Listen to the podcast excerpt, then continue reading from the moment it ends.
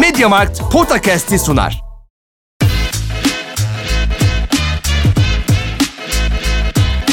Potakast. Kaan Kural ve Orkun Çolakoğlu'yla NBA gündemine haftalık bir bakış.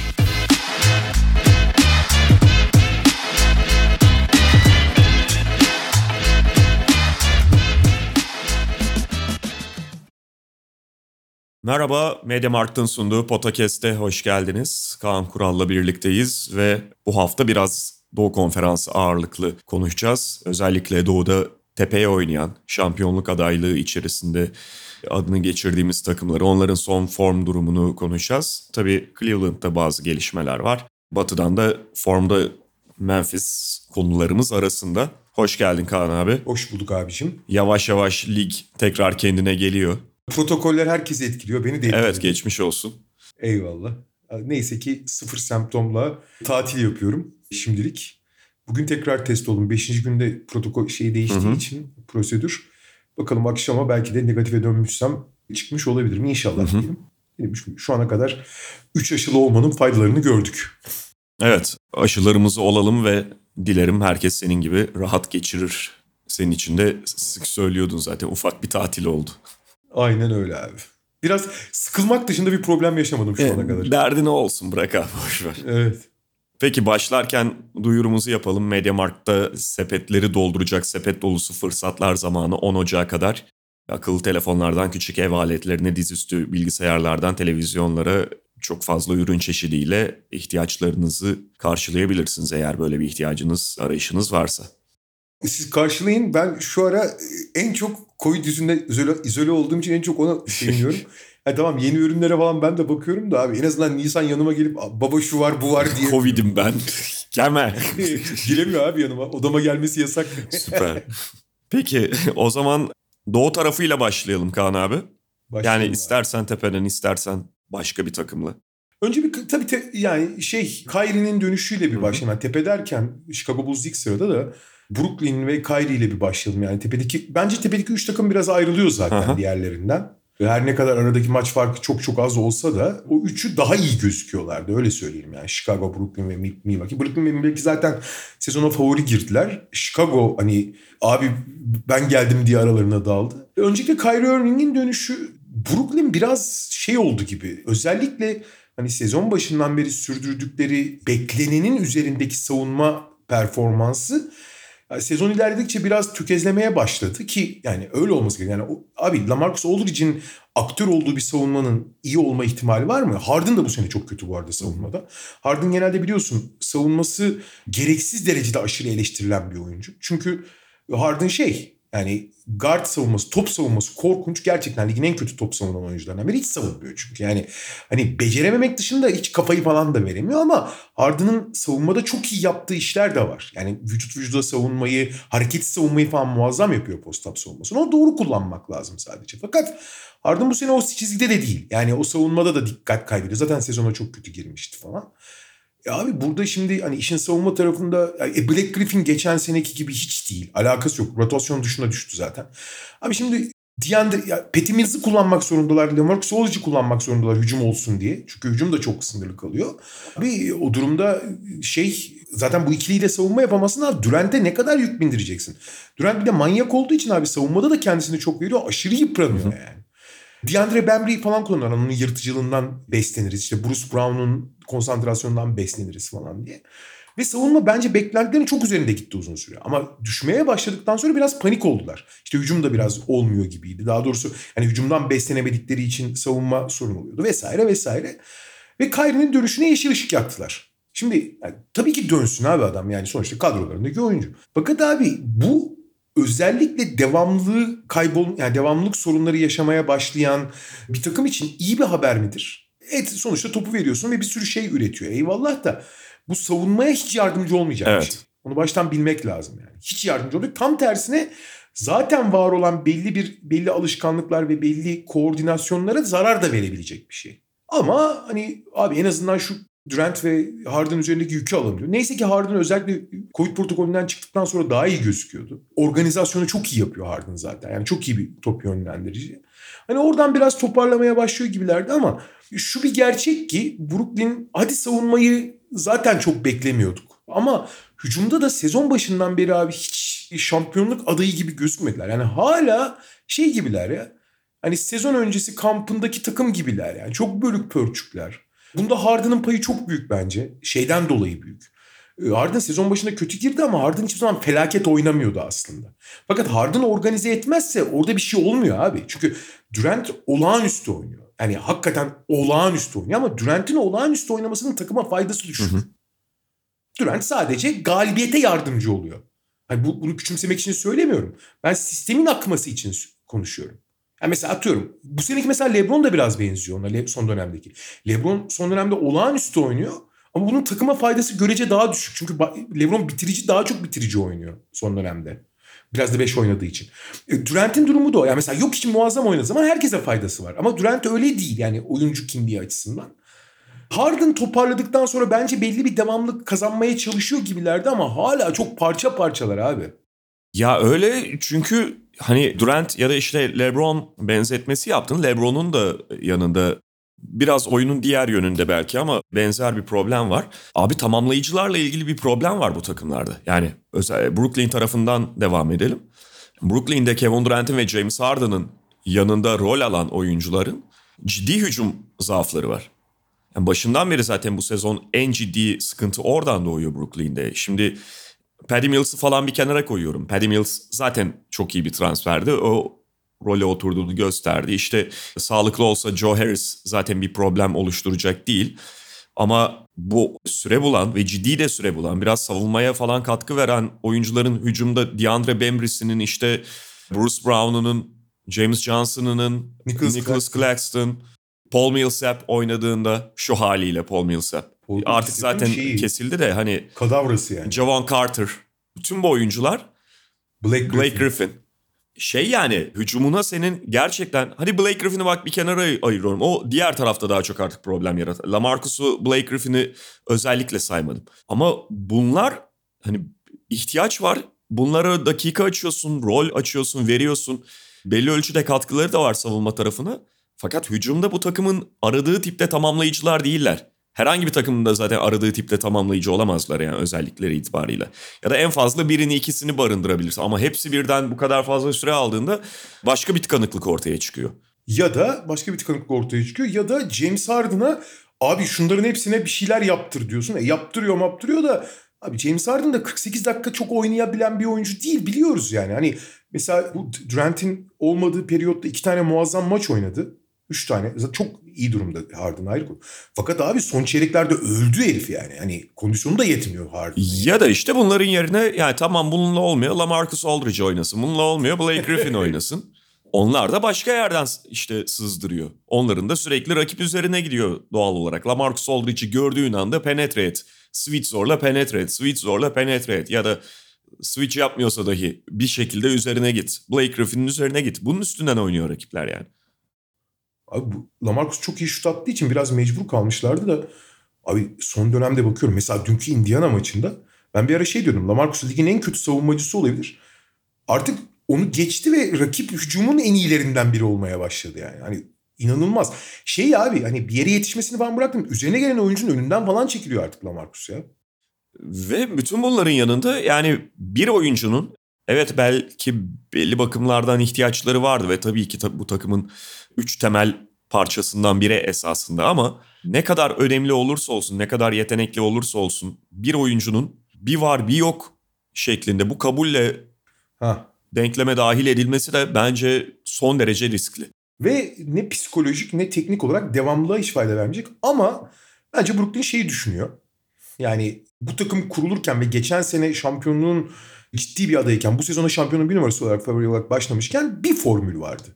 Abi bizde üç tane öyle adam var ki onların varlıkları diğer herkesin hayatını inanılmaz kolaylaştıracak. Hı hı. En azından hücum anlamında. En azından hücum anlamında. Ve bu formül zaten onları eğer şampiyon yapacaksa yapacaktı. Bir şekilde Kyrie'yi entegre etmeleri gerekiyordu bu, bu senaryoya. Yani çünkü Kyrie'nin olmadığı senaryoda şampiyonluk adayısın ama favorisi değilsin aslında hı hı. yani. E bunu bir şekilde entegre edecekler. Bence yalnız biraz paniğe kapılıp yani Kyrie'yi abicim aşı olacaksan ve her maçta oynayacaksan gel. Yoksa böyle bir var bir yok şey gibi hani 10 günlük kontrat verdiğimiz isimlerini bile hatırlamadığımız oyuncular gibi olacaksan olmaz demelerini bekliyordum ki sezon başında o yolda gidiyor gibilerdi. Şimdi başka bir yola döndüler. Belki hani Kyrie'nin dahil edilmesi bir şekilde şimdi Kyrie biraz şey oldu. Abi böyle de oynuyoruz falan filan diye.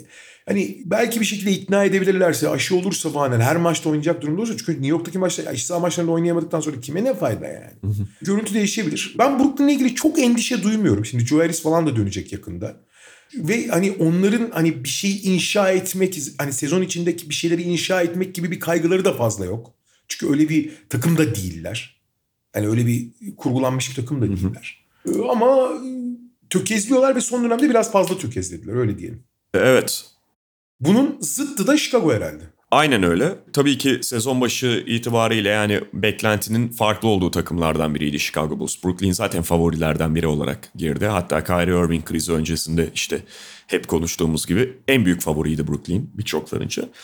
Chicago Bulls ise yani biz dahil yine birçoklarınca aslında çok net karar verilemeyen, hani hücumu kesinlikle geliştirdiler ama savunma nereye girecek? Playoff'a girerler ama kaçıncı sıradan girerler şeklinde konuşulan bir takımdı. Fakat şu ana kadar bu sezonun beklentileri herhalde genel beklentileri diyorum. Belki onlarla ilgili daha yüksek düşünen insanlar vardı başlangıçta. Daha iyi olmalarını bekleyenler vardı ama genel beklentilerin en fazla üstüne çıkan takımlardan biri Chicago Bulls.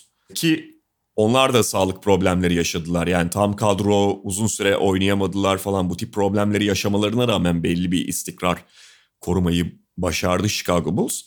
Ve yani takımın saha içi görüntüsü tam kadro halinden bahsediyorum. DeMar DeRozan'ın işte Zach Lavine'in yan yana oynama dinamiği, onların Vucevic'le şeyi bun, hepsi birlikteyken yine savunma çizgisi.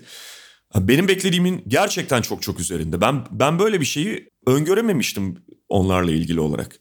Bunu ortaya çıkarabileceklerini düşünmemiştim. Yani DeMar DeRozan ve Zach Lavine ikisi bir arada oynarken orada Vucevic de varken buradan çok iyi bir savunma takımı çıkabileceğini, top domine etmeyi bu kadar seven oyuncularla birlikte hepsi birlikte sahadayken bu kadar dengeli bir paylaşım ortaya çıkarabileceklerini, bu kadar efektif oynayabileceklerini hiç düşünememiştim ben. Valla hücum tarafı için ben öyle bir senaryonun olabileceğini düşünüyordum. Yani DeRozan'ın topu domine ettiği, işte Lonzo, Lonzo'nun topu getirip DeRozan'a teslim et. Yani Lonzo'nun ilk aksiyonu yapıp ana karar vericinin DeRozan olabileceği, Lonzo'nun sabit şütöre dönüşüp yani topu getirdikten sonra, teslim ettikten sonra.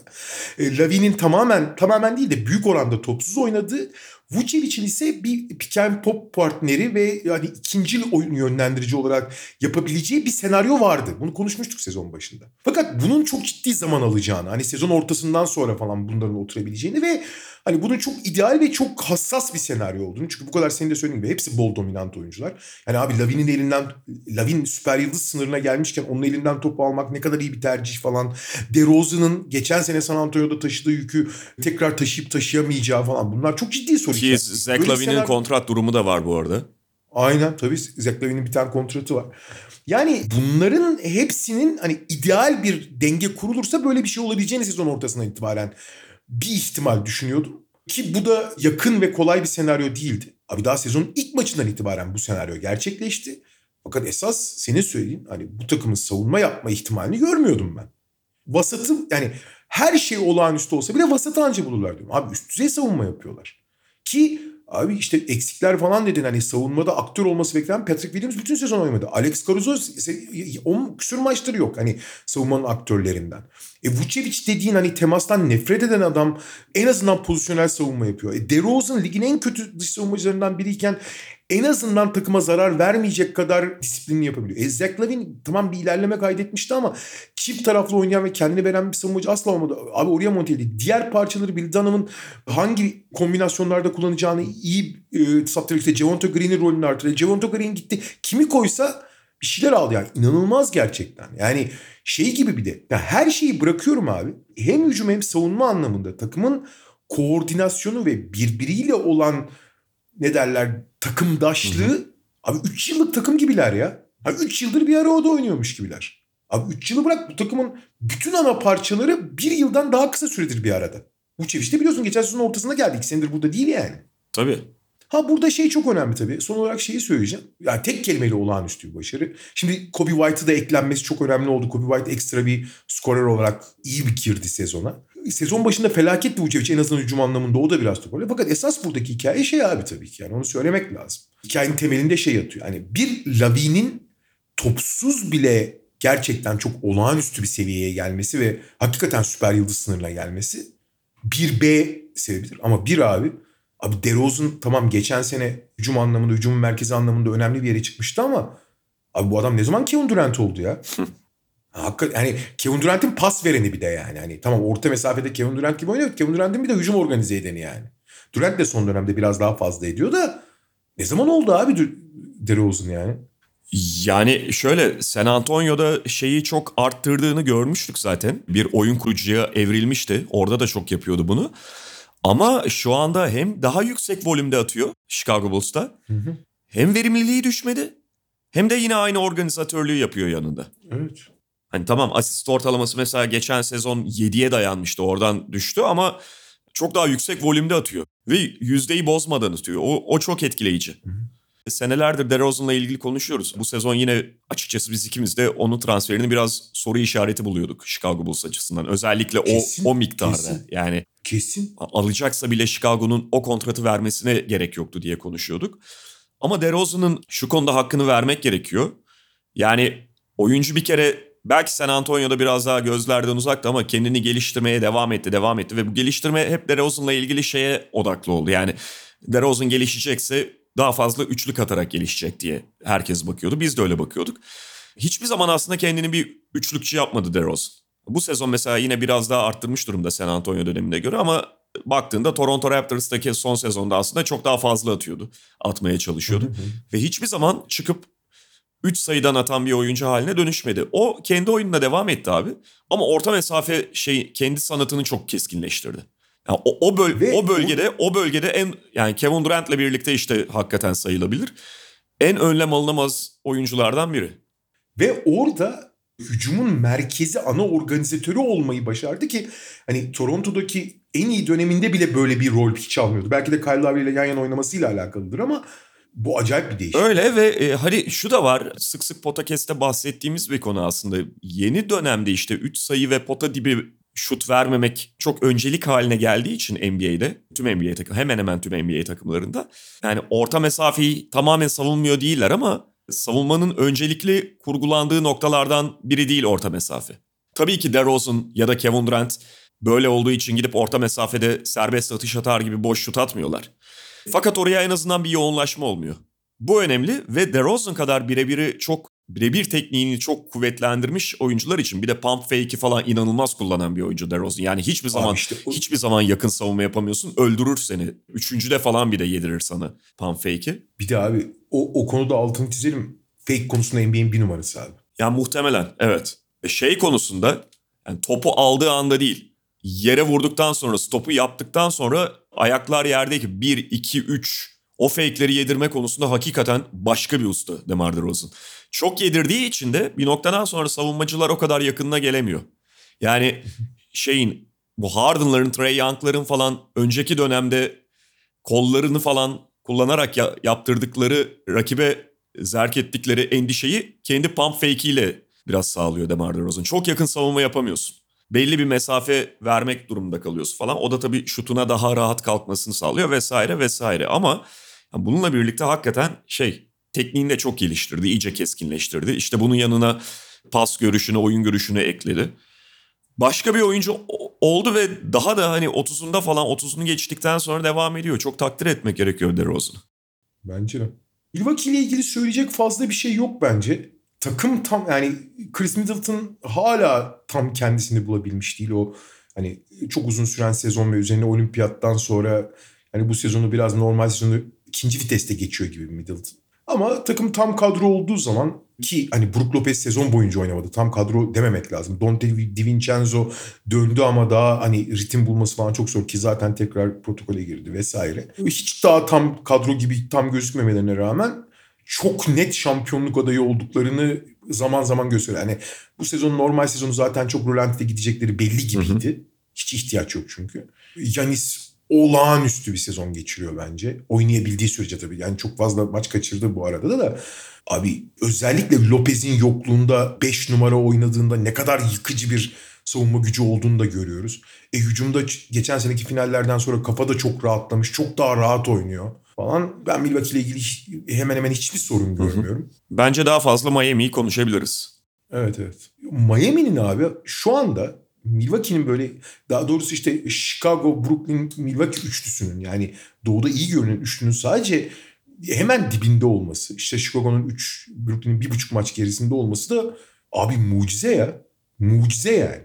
Evet. Yani bütün bu yaşadıkları eksiklerle birlikte tabii ki... Abi eksik diyorsun. Eksik diyorsun. Ben Adebayo sezonun 3'te ikisini oynamadı. Hı hı. En önemli iki oyuncu, oyuncusundan biri. Jim Butler 3'te birini oynamadı. Yani ikisinin bir arada oynadı. Kaç maç oynadılar zaten? En önemli iki oyuncuları. E Kyle Lowry arada maç kaçırdı zaten. Duncan Robinson ne oldu bilmiyoruz ama şut yeteneğini kaybetmiş bu sezon. Arada bir iki maç iyi oynasa da geçen seneki o nokta şütörlüğünden falan hiç çok uzaklaşmış durumda. Abi Tyler Hero hariç ulan herif ne üstüne koymuş dediğin bir oyuncu yok. O zaten oyuncuları yok yani oynatabilecekleri. Abi nasıl burada bu adamlar yani? Ve şimdi onu açıklamaya başlayacağız. Geçen hafta da galiba biraz konuşuyorduk ya da ondan önceki programda mı onu tam hatırlamıyorum ama Miami için daha hayırlısı oldu gibi. Ya tabii ki oyuncuların sakatlanmasını istemezsin ya da işte Adebayo'nun, Butler'ın bu sakatlıklardan sonra nasıl etkileneceğini, bir sıkıntı yaşayıp yaşamayacağını kesin olarak bilemiyoruz şu anda ama onların hani yüzde yüzleriyle döneceklerini kabul edersek Miami Heat Zaten sezon başında da biraz beklentilerin, bizim beklentilerimizin üzerindeydi. Fakat onlarla ilgili en büyük endişemiz de şeydi yani 7,5 kişilik falan bir rotasyon var. Bu takım koca bir sezonu nasıl götürecekti? Bunlarla bu 7,5 kişiyle nasıl götürecekler sezonu sorusu vardı. Abi buldular yine. Yani bütün bu problemler yeni isimler bulmalarını sağladı. Şimdi Duncan Robinson'dan bahsettim mesela. Evet Duncan Robinson geçen sezonun gerisinde fakat Duncan Robinson'ın yerine Max Struz geldi abi ve daha iyi oynuyor. İnanılmaz bir şey ya. yani şey falan yapacak Pat Riley. Duncan sen kontratın yarısını Max'a veriyorsun falan diye böyle. Abi Dwayne Dedman ligden düşüyordu. Çıkardılar takır takır top oynuyor. Max Struz dedin Kyle Guy'dan performans alıyorlar. Şey PJ Tucker artık hücumda çok ciddi bir zaaf oluşturmaya başlamıştı. Ondan hücum alıyorlar. Caleb ama. Martin abi. Abi Caleb Martin ya. Ben Caleb Martin biliyorsun o ikizlerden hücum ağırlıklı olan gibi gözüküyordu ama Caleb Martin bu değildi abi. Savu ya ana abi, savunmacılarından bırak, biri oldu takımın şu aşamada. Abicim en son gidip gelelim. Abi Ömer Faruk Yurtseven ya. Yani tamam oyuncumuz onun gelişimini, kendine olan inancını, her şeyini çok takdir ediyoruz. Ama abi yani bizim oyuncumuz olduğu için biliyoruz. Ne diyorduk abi? Hani hiç kimse kendisine NBA'de şans vermezken işte G League'de tırmaladı, büyük çaba gösterdi, çift taraflı bir kontrat aldı. Bir şekilde NBA'de olmak için elinden geleni yapıyor. Sadece bir kadroya tutunmuş olması bile çok büyük başarı diyordum. Hı hı. Baba çatır çatır ilk 5'te oynuyor. Tamam hani özellikle savunma tarafında ayak çabukluğu yüzünden eksikleri olsa da sürekli double double yapıyor abi. Ya işte tamamen star odaklı bir oyun oynamamanın ve rolleri de iyi biçmenin faydaları bunlar. Mesela bu oyuncular Ömer Faruk'tan Max Schuster'a, Caleb Martin'den ne bileyim Gabe Vincent'a bu oyuncuları al Boston'a koy. Boston'daki pozisyon muadili 4 oyuncuyla değiştir. Bana Boston deme abi. Bu defa Boston'dan gelenler bu takımda yıldızlaşacak. Ömer Faruk, Struz, işte Caleb Martin falan bunlar da Boston'da bu defa şey gözükecekler anladın mı? Aaron Neesmith gibi olacaklar. Bana Boston deme. Bu sabah yine Boston Celtics izleyerek başladım. Basketbola dair ne bildiğimiz varsa unutuyoruz. Abi sonda bir pozisyon var. Bu şey feci pas veriyor. C- e, Jock Landale topu kapıyor topu ya. sıkarken, Jock e, sokarken. E, aynen. Brown topu alıyor. iki sayı var. Turnike atacak. Kaçırıyor Hı-hı. ya. Abi o pozisyonda Tatum'un yaptığını gördün mü sen? Abi Tatum Jalen Brown'un yolunu kesiyor Hı-hı. ya. Bu tamamen şeyle alakalı yani. yani hakikaten hiç alakalarının yani öylesine oynamalarıyla alakalı. Ya zaten vücut dilleri falan korkunç abi. Korkunç yani. Smart Jalen Brown Tatum'un vücut dilleri o kadar kötü. Abi Tatum bir savunma yapıyor. Yani özür diliyorum bir savunma yapmıyor. Ya Bates Diop'un Bates Diop kim abi? Bates Diop'un Tatum'un savunmasında dip çizgiye vurup potaya gidip smaç vurduğu bir pozisyon var yani. Avrupa'da direkt mola aldırır mesela. Abi çok net hani bunu daha önce de konuştuk da. Abi Tatum, Smart, Brown üçlüsünün ikisinin mutlaka gitmesi lazım abi. Onlar yani o bitmiş orada kafaca iş yani. Hani korkunç durumdalar ya. Korkunç yani. Neyse, Miami'ye dönersek işte yani burada tabii işte bambaş hani Boston örneğini verdik. Oradakinin tersi bir takım zihniyetinin, takım psikolojisinin, lider takım liderlerinin koyduğu tonun falan tabii ki çok önemli rolü var ama bununla birlikte teknik olarak da yapının, bu oyunculara verilen rollerin ve aynı zamanda yine takımın lider oyuncularının işte oynadığında Butler, Kyle Lowry vesaire, Adebayo bunların da paylaşmaya açık olmalarının yine çok büyük payı var Miami'nin bu şekilde Kesinlikle. gelişmesinde. Kesinlikle. Hepsi özellikle o üçünün muazzam paylaşımcı olması çok Yani bugün Önemli. Ömer Faruk işte kalkıp da mesela posta ona topu indirmiyorlar. Şey yapmıyorlar yani topu al arkandaki oyuncuyu birebir oyna vesaire böyle bir şey üzerinden oynamıyor Miami Heat. Ama Ömer Faruk perdeye geldiğinde ne bileyim Kyle Lowry mi yönlendiriyor o sırada oyunu. Devrildiğinde direkt olarak Ömer Faruk'u buluyor. 50 defa topu driplingle eveleyip gevelemiyor 3 sayı çizgisinin arkasında. O top sürekli trafik halinde. Dışarıya çıkıyor. Caleb Martin'e, Strus'a falan çıkıyor. Bir şekilde o boş şutu buluyorlar. Miami'nin en büyük özelliği zaten hücum devamlılığı abi. Yani ligin 24 saniyenin son 6 yani son 6-7 saniyesinde yani 24 saniye biterken en bilinçli, en şuurlu hücum eden takım olabilir. Bu o kadar değerli bir şey ki abi. Hani pek çok ölmüş hücumdan hayat buluyorsun çünkü yani. Pek çok takım için ölmüş hücumlardan hayat buluyorsun. Ha Durant'in Durant'in varsa veriyorsun atıyor ayrı konu ama Durant'in Durant'in yoksa bu çok daha önemli. Artı Durant'in olduğu senaryolarda gene maçı kurtarıyor. Takımı kurtarmak başka bir şey maçı kurtarmaktan. Philadelphia'ya geçersek abi iyi başladılar. Çok kötü gittiler. Şimdi daha iyi gözüküyorlar falan da. Bence genelde şöyle bir problem var. Şimdi Tyrese Maxey ve Seth Curry iyi birer sezon geçiriyor değil mi? Ya bu takımın zaten Simmons'ın yokluğunda bu oyuncuların iyi oynaması şarttı. Yani takıma öyle ya da böyle top yönlendirici yokluğunu bir miktar pansuman yapabilmek için. Ve açıkçası Seth Curry de Tyrese Maxey de yani çok yüksek istikrarda olmasalar da çok iyi. Hele Maxey zaten çok çok iyi bir sezon geçiriyor. Son dönemde hafif düşmüş olsa da. Fakat şöyle bir problem var abi. Şimdi ana atıcılar Embiid ve Tobias Harris olduktan sonra Tobias Harris geçtiğimiz seneki çizgisinden biraz daha geride olduğu için ve takım da çok hücum akıcılığını en azından Curry ve Maxey üzerinden bazen de Furkan üzerinden Shaq Milton'ı hiç saymıyorum çünkü onun topu oynatmak gibi bir derdi yok yani. Olduğu için hani çok akmayan, çok ite kaka oynayan bir takım Philadelphia. Ve işte Embiid iyiyken, sağlıklıyken tek başına çok büyük fark yaratıyor ve maçta kazanabiliyorlar. Yani bu parça parça şeyden bir şey üretebiliyorlar. Yalnız abi şöyle bir problem var. Embiid'in sırtındaki yük o kadar artmış durumda ki ki Embiid de arada Covid protokolüne girdi çıktı falan hani fiziksel olarak da e, zorlandı vesaire. Abi Embiid bu sene hiç savunma yapmıyor abi. Hiç yani. Hiç takılmıyor savunmaya. Ha son çeyreklerde falan hani maçın kırılma noktalarında biraz tabii ki çaba gösteriyor falan da abi yani sahada 35 dakika oynuyorsa 32 dakikasında falan seyrediyor abi etrafı. Ya da işte bir tane onu ekstra motive eden eşleşme bulduğunda orada farklı takılıyor.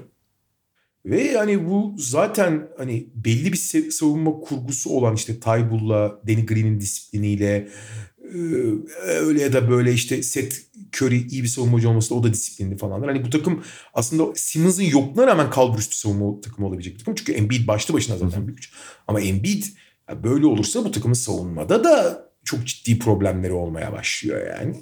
E, bu da o bölük pörçüklükten hani çok inişli çıkışlı bir performansa doğru yola çıkıyorsun. Ben burada Embiid'i suçlamak için söylemiyorum abi. Hani normal. Anlatabiliyor muyum? Hani hücumda ve oyun genelinde yükün bu kadar artarsa savunmada çaba göstermezsin tabii. Göstermemelisin de yani. Hani öldüreceğim mi abi adamı? Ama bu çok çözülmez bir durum. Yani onların bir tane bence çözümsüz yapısal ciddi sorunu vardı. Top yönlendirici bulmak. Hep ikinci top yönlendiricilerden.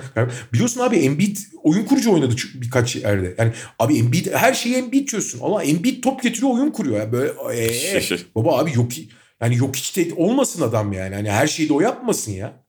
Neyse Damian Lillard gelince o yükün bir kısmını atacak üstünden ama ne kadar savunmaya konsantre olur ondan da emin değilim. Lillard gelince diye de Damian Lillard- kesin gibi konuştum ama böyle e, bence iş oraya doğru gidiyor. Lillard, baz, Lillard Philadelphia'yı bıraktım parkelere gelecek. Gelir abi bir- yani şey çok sağlıklı olmayabilir de bir şekilde döner. Ama ben onun zaten hani E, sahaya çıktığında da ya Portland'da şu anda durumdan memnuniyetsizliğiyle de çok alakası var muhtemelen ama Lillard'ın kariyerindeki en satış sezon bu olabilir ya.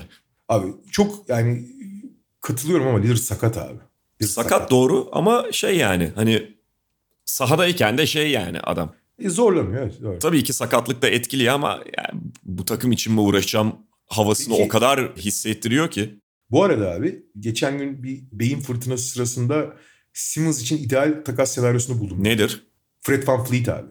E, olabilir. Şimdi bunu Toronto niye yapsın diyeceksin. Hani Toronto abi şöyle bir şey var. Simmons, Gary Trent Jr., OG Anunoby, Siakam şey beşi, Scottie Barnes beşi. Yani tam bir Toronto ıslak rüya beşi. Ha hücum edemeyecekler ayrı konuda. yani düşünebiliyor musun abi? Tam Toronto yani trapli falan filan acayip Ben beş. Toronto niye yapsın demem bu arada. Ben aynı fikirdeyim. Ben, ben edemezler Simmons'ı kesin isterler abi.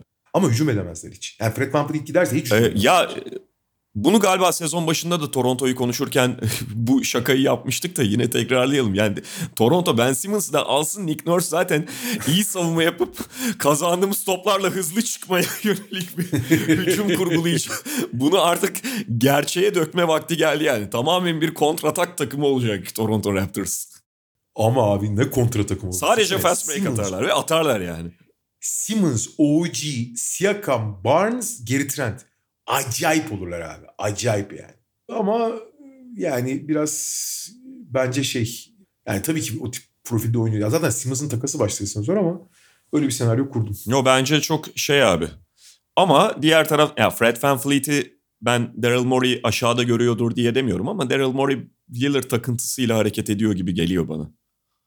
Abi Fred VanVleet büyük ihtimalle şimdi All-Star seçilecek. All-Star seçilince bir anda gözlerde de şey olabilir. Yani herkesin gözünde de biraz değer kazanabilir. Evet belki ki bu arada yani Damian Lillard'la ilgili şu ana kadar çok bahsedilmeyen ama sıkıntılı bir durum da var. Lillard çaktırmadan epey yaşlandı abi.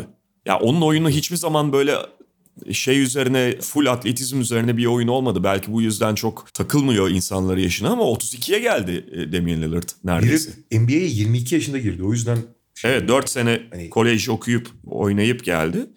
31 yaşında Damian Lillard. Bu sezon bittiğinde 32 ile öbürüne gelecek falan. O da bu sakatlıkları da yaşamaya baş, başlamışken bir sıkıntı doğurabilir. Peki şeyle devam edelim abi. Çok kısa da istersen Rondo'yu konuşalım. Valla işte bu sezonun yani benim hani en keyif aldığım ve açıkçası hani cidden çok başarılı olmasını desteklediğim takımdı Cleveland ama abi Sexton'dan sonra Rubio'nun da kaybı hani biraz da bahsetmiştik. Çok ağır darbe ya. Çok ağır darbe. Yani kısa rotasyonu zaten sorunlu bir takım için. Hani çok Rubio bir de onların saha içindeki koçuydu ya. Bunu doldurmak için bu arada Garland da prosedür, şeye girmişti, protokole girmişti. Hiç oyun hani yere iki tane dribbling yapabilecek oyuncu kalmamıştı takımda. Hani iki tane Cedi de çünkü şey protokolde. Hadi Cedi de ikinci oyun kurucu olarak idare eder dersin ama hiç abi yani ikinci dribbling yapabilecek oyuncuları kalmamıştı. Apar topar bir önlem almak ihtiyacı var. Bence Brandon Goodwin'i çok iyi aldılar. 10 günlük kontratta. Ben Brandon Goodwin'i de sezon sonuna kadar tutacaklarını düşünüyorum. Yani Goodwin öyle çok üst düzey bir oyuncu değil ama onların çok ihtiyacı olan bir şey ve disiplinli vesaire hani iş yapar. Fakat abi burada riski çok düşük olsa da yani karşında çok bir şey vermemiş olsalar da işte veteran top yönlendirici, toparlar falan yani Rubio'nun en azından kağıt üzerinde hani CV üzerinde Rubio'nun verdiklerini verebilecek bir oyuncu gibi duruyor Rondo. İşte veteran, işte skorer tarafı biraz yani çok ciddi soru işareti olan ama takımı iyi yönlendirebilecek falan yedek oyun kurucu değil mi? Abi Rubio ile alakası yok Rondo'nun ya. Hani ben olsam yani her ne kadar karşında çok bir şey vermesem bile Rondo'yu kapıdan içeri almam abi. Ya Rondo çünkü çok toksik karakter ya. Hani böyle genç bir takıma öyle bir toksik karakteri sokmak Ee, bana çok iyi bir fikir. ya toksik geldi. olur mu ondan emin değilim abi. Yani Olmasın ama. Yani kendini şeye göre adapte edebiliyor. Belli takımlarda problem oluyor. Buradaki ortama ayak uydurabilir. Ben daha çok hani teknik olarak ne katabilecek ondan şüphem var. Ama zaten Rondo transferini şey olarak değerlendirmek gerekiyor. Yani sezon or- bu şey uzun yolda benzinciden alınan sandviç yani. Evet. Yapabileceğin bir şey yok hani. Çok fazla opsiyon yok. Bir anda tek oyun kurucuyla kalmışsın. Valla ben olsam DJ Augustin falan gibi birine yönelmeyi tercih ederdim valla. Yani hani gene çok düşük profil falan ama hani daha şey daha şey bir karakter, ılımlı bir karakter. Neyse Hı hı. bakalım. Peki Memphis'i konuşalım biraz da. Doğu tarafını konuştuk. Memphis'te Batı konferansında en formda takımlardan biri. Üst üste 6 kazandılar ki öncesinde de Ja Morant'in sakat olduğu dönemde yine bir galibiyet serileri vardı. Şimdi Ja Morant'le de kazanıyorlar. Üstelik hani tamam Morant dönmüş durumda ama başka eksikleri de var Memphis'in. Covid protokolüne giren oyuncular var. Dylan Brooks oynamıyor işte. Kyle Anderson, D'Anthony Melton. D'Anthony Melton. Bu gibi eksikleri de olmasına rağmen Memphis biraz kadro genişliğini de konuşturuyor bu bölümde. Yani şey var Taylor Jenkins. Bir şey söyleyeyim mi? Pardon bir dakika lafını keseceğim ama. Abi kadro genişliği diyorsun. Eyvallah. Bir şey demiyorum. Ama abi John Conchar Aha. tamam mı? Santi Adam Aldama, Killian Tilly. Abi bu adamlar kadro genişliği değildir. Yani başka takımda kadro genişliği yaratır mı? Ben aslında tam oraya gelecektim abi. Normalde bunlar kadro genişliğin içerisinde yani bakın ne kadar geniş bir rotasyonları var diye lafa başladığında ismini sayacağın adamlar değil. Hatta yani Taylor Jenkins'e iki senedir biz de zaman zaman bunu söylemişizdir. Yapılan eleştirilerden biri fazla mı geniş tutuyor rotasyonu şeklinde. Doğru. Yani bu doğru, dönemde mesela doğru. başka koçlar bu eksikleri yaşıyorken Santi Aldama falan bunları oynatacağını 8'e sabitler rotasyonu. Yine 10 falan kullanıyor. Hani o Covid protokolündekilerden biri daha olsa, biri ikisi olsa belki 11 kullanacak. Ama yani ben hakikaten zaman zaman fazla esnettiğini düşünüyorum. Ama sonuçta alıyor bir şekilde şu anda. Doğru. Doğru. Ve şey yani şimdi Jamorant yine acayip form tuttu. Bane süper formda. Takım kendi dinamiğini, ritmini yakaladı. Yakaladı.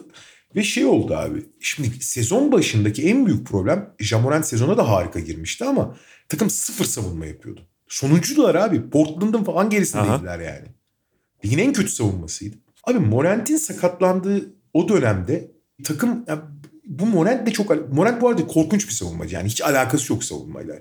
Hem kötü savunmacı hem al- şey de değil dikkatsiz falan da tamam. Fakat Morant'ten bağımsız olarak takımın hani kurgusu da tamam Morant'in çıkması çünkü abi Tyus Jones oynuyor yani Tyus Jones çok mu savunmacı anasını satayım yani hani Tyus Jones elin ne yaparsa yapsın hani üst düzey savunmacı olmayacak hani Morant'ten daha dikkatli olması için hiçbir şey olmaz.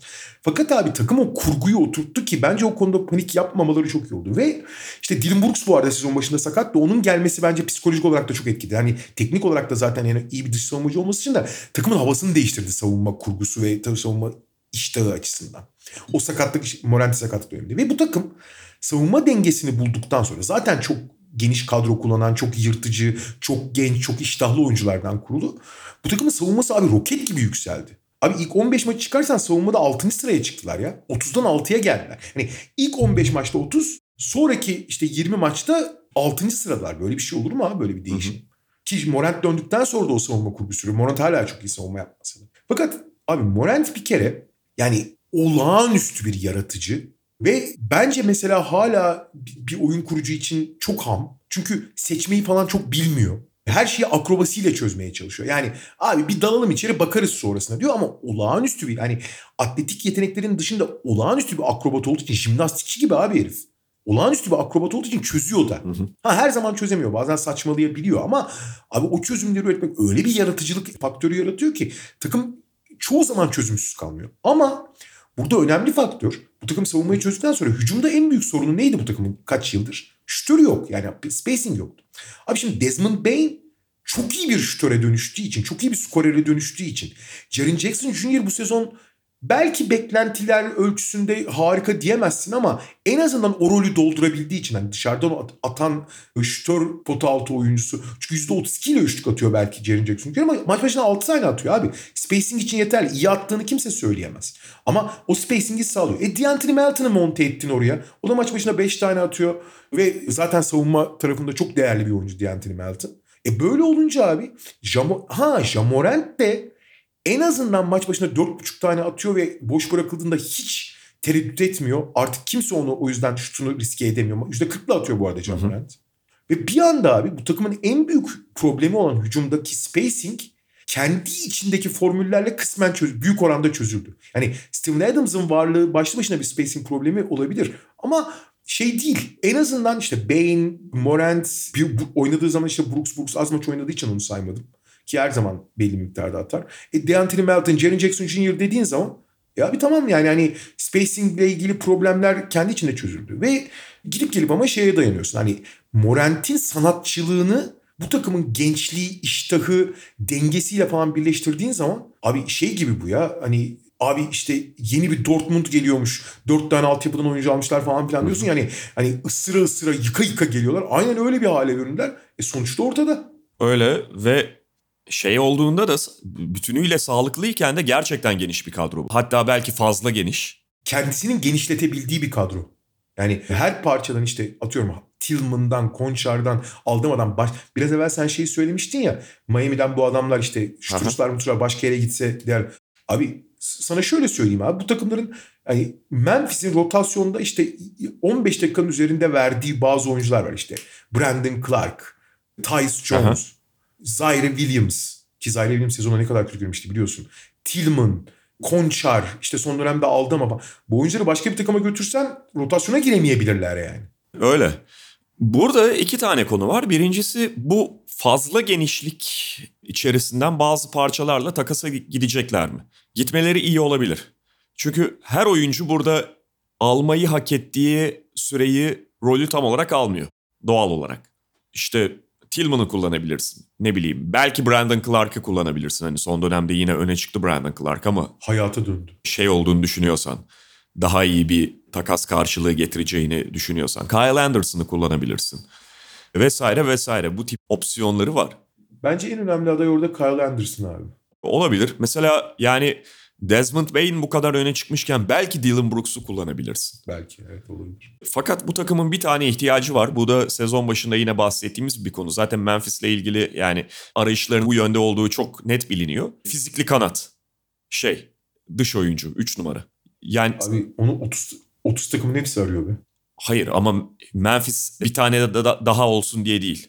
Memphis evet. hiç elinde olmadığı için. Yani Kyle Anderson'ı orada oynatmaya çalışıyorlar. Kyle Anderson'ın çok başka limitleri var. Kyle Anderson o, tam olarak o olmuyor.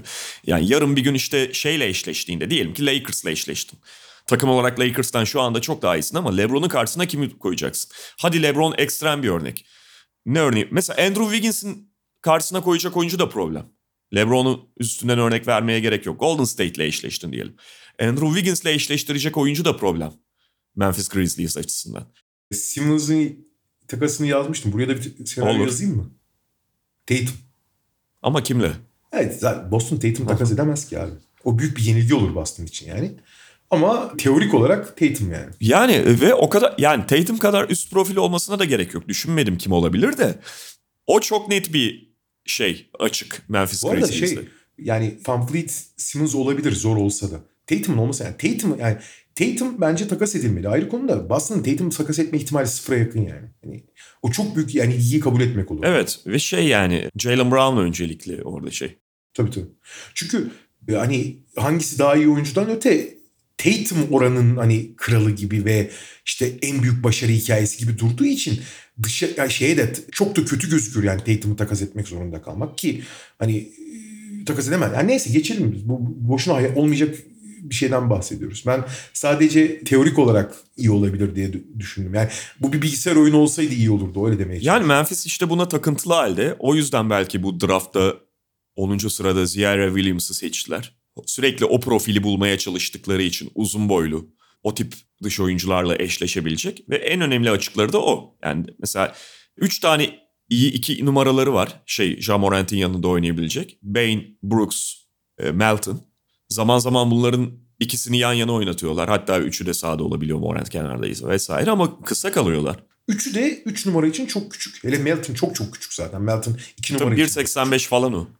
Ve incedir Melton. Ha kollar mollar çok uzundur, çok aktiftir vesaire. Onun iki numarada kullanmanın başka avantajları var. Mobilite ve kol ıı, uzunluğu açısından ama ya küçük zaten yani anlatabiliyor muyum? E, Dylan Brooks hani fi, çok fizikli müziklidir ama kısa, kısa yani. Kolu da kısa onun. Esas Bane abi. Bane T-Rex ya. Aynen. Abi Desmond, Desmond Bane ha, tamam harika bir sezon geçiriyor vesaire de Abi basketbolun geldiği noktada fiziksel olarak en önemli özellik kulak içe çıktı değil mi? Yani herkesin Hı-hı. çıktığından bahsediyoruz. Bunun avantajlarını vesaire görüyoruz. En basit işte de, de, DeAndre Melton'ı görüyoruz yanında oynadı.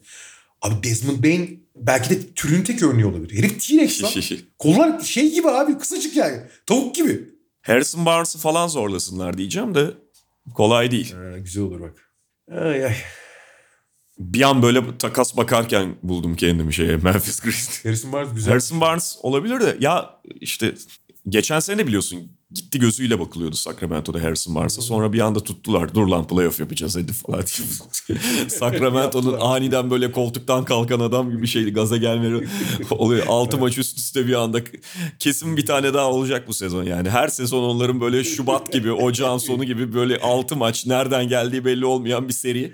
Dur lan yapıyoruz hadi bak vallahi. Bir de abi batıda şey var ya o play'in yarışında herkes birbirinden beter olduğu için bir türlü devre dışı kalmıyorsun yani. Öyle bir durum olduğu için hala bir Aynen var aynen yani. bu se- yani bu sezon tam şey Kings'te yüzler gülüyor. Aslında gülmüyor da yaparız be şeyiyle geçen bir sezon. şey gibi. Kings'in durumu şey abi. Abi sen yine haline şükret. Ne durumda insanlar Tabii, var tabii. Öyle bir Buna da yani. şükür. Buna da şükür. Bak şu Portland'da New Orleans'a. Ne, ne çekiyor adamlar? şey. Sacramento Kings hakikaten yani dışarıya bakıp böyle işte yani kendileri 16-24 ama ne bileyim Denver'da da sakatlar var. Dallas'ta da problemler var. Lakers bir türlü altının yukarısına çıkamıyor uğraşsa da bilmem ne. Amerikan ekonomisi çöküşte kafasıyla gidiyor. tabii tabii, tabii. Amerika'da benzin fiyatları uçtu gitti. Bilmem. Peki o zaman bugünlük bu kadar diyelim. Mediamarkt'ın sunduğu podcast'te bu haftanın sonuna geldik. Haftaya tekrar görüşmek üzere. Hoşçakalın. Hoşçakalın. Mediamarkt Podcast'i sundu.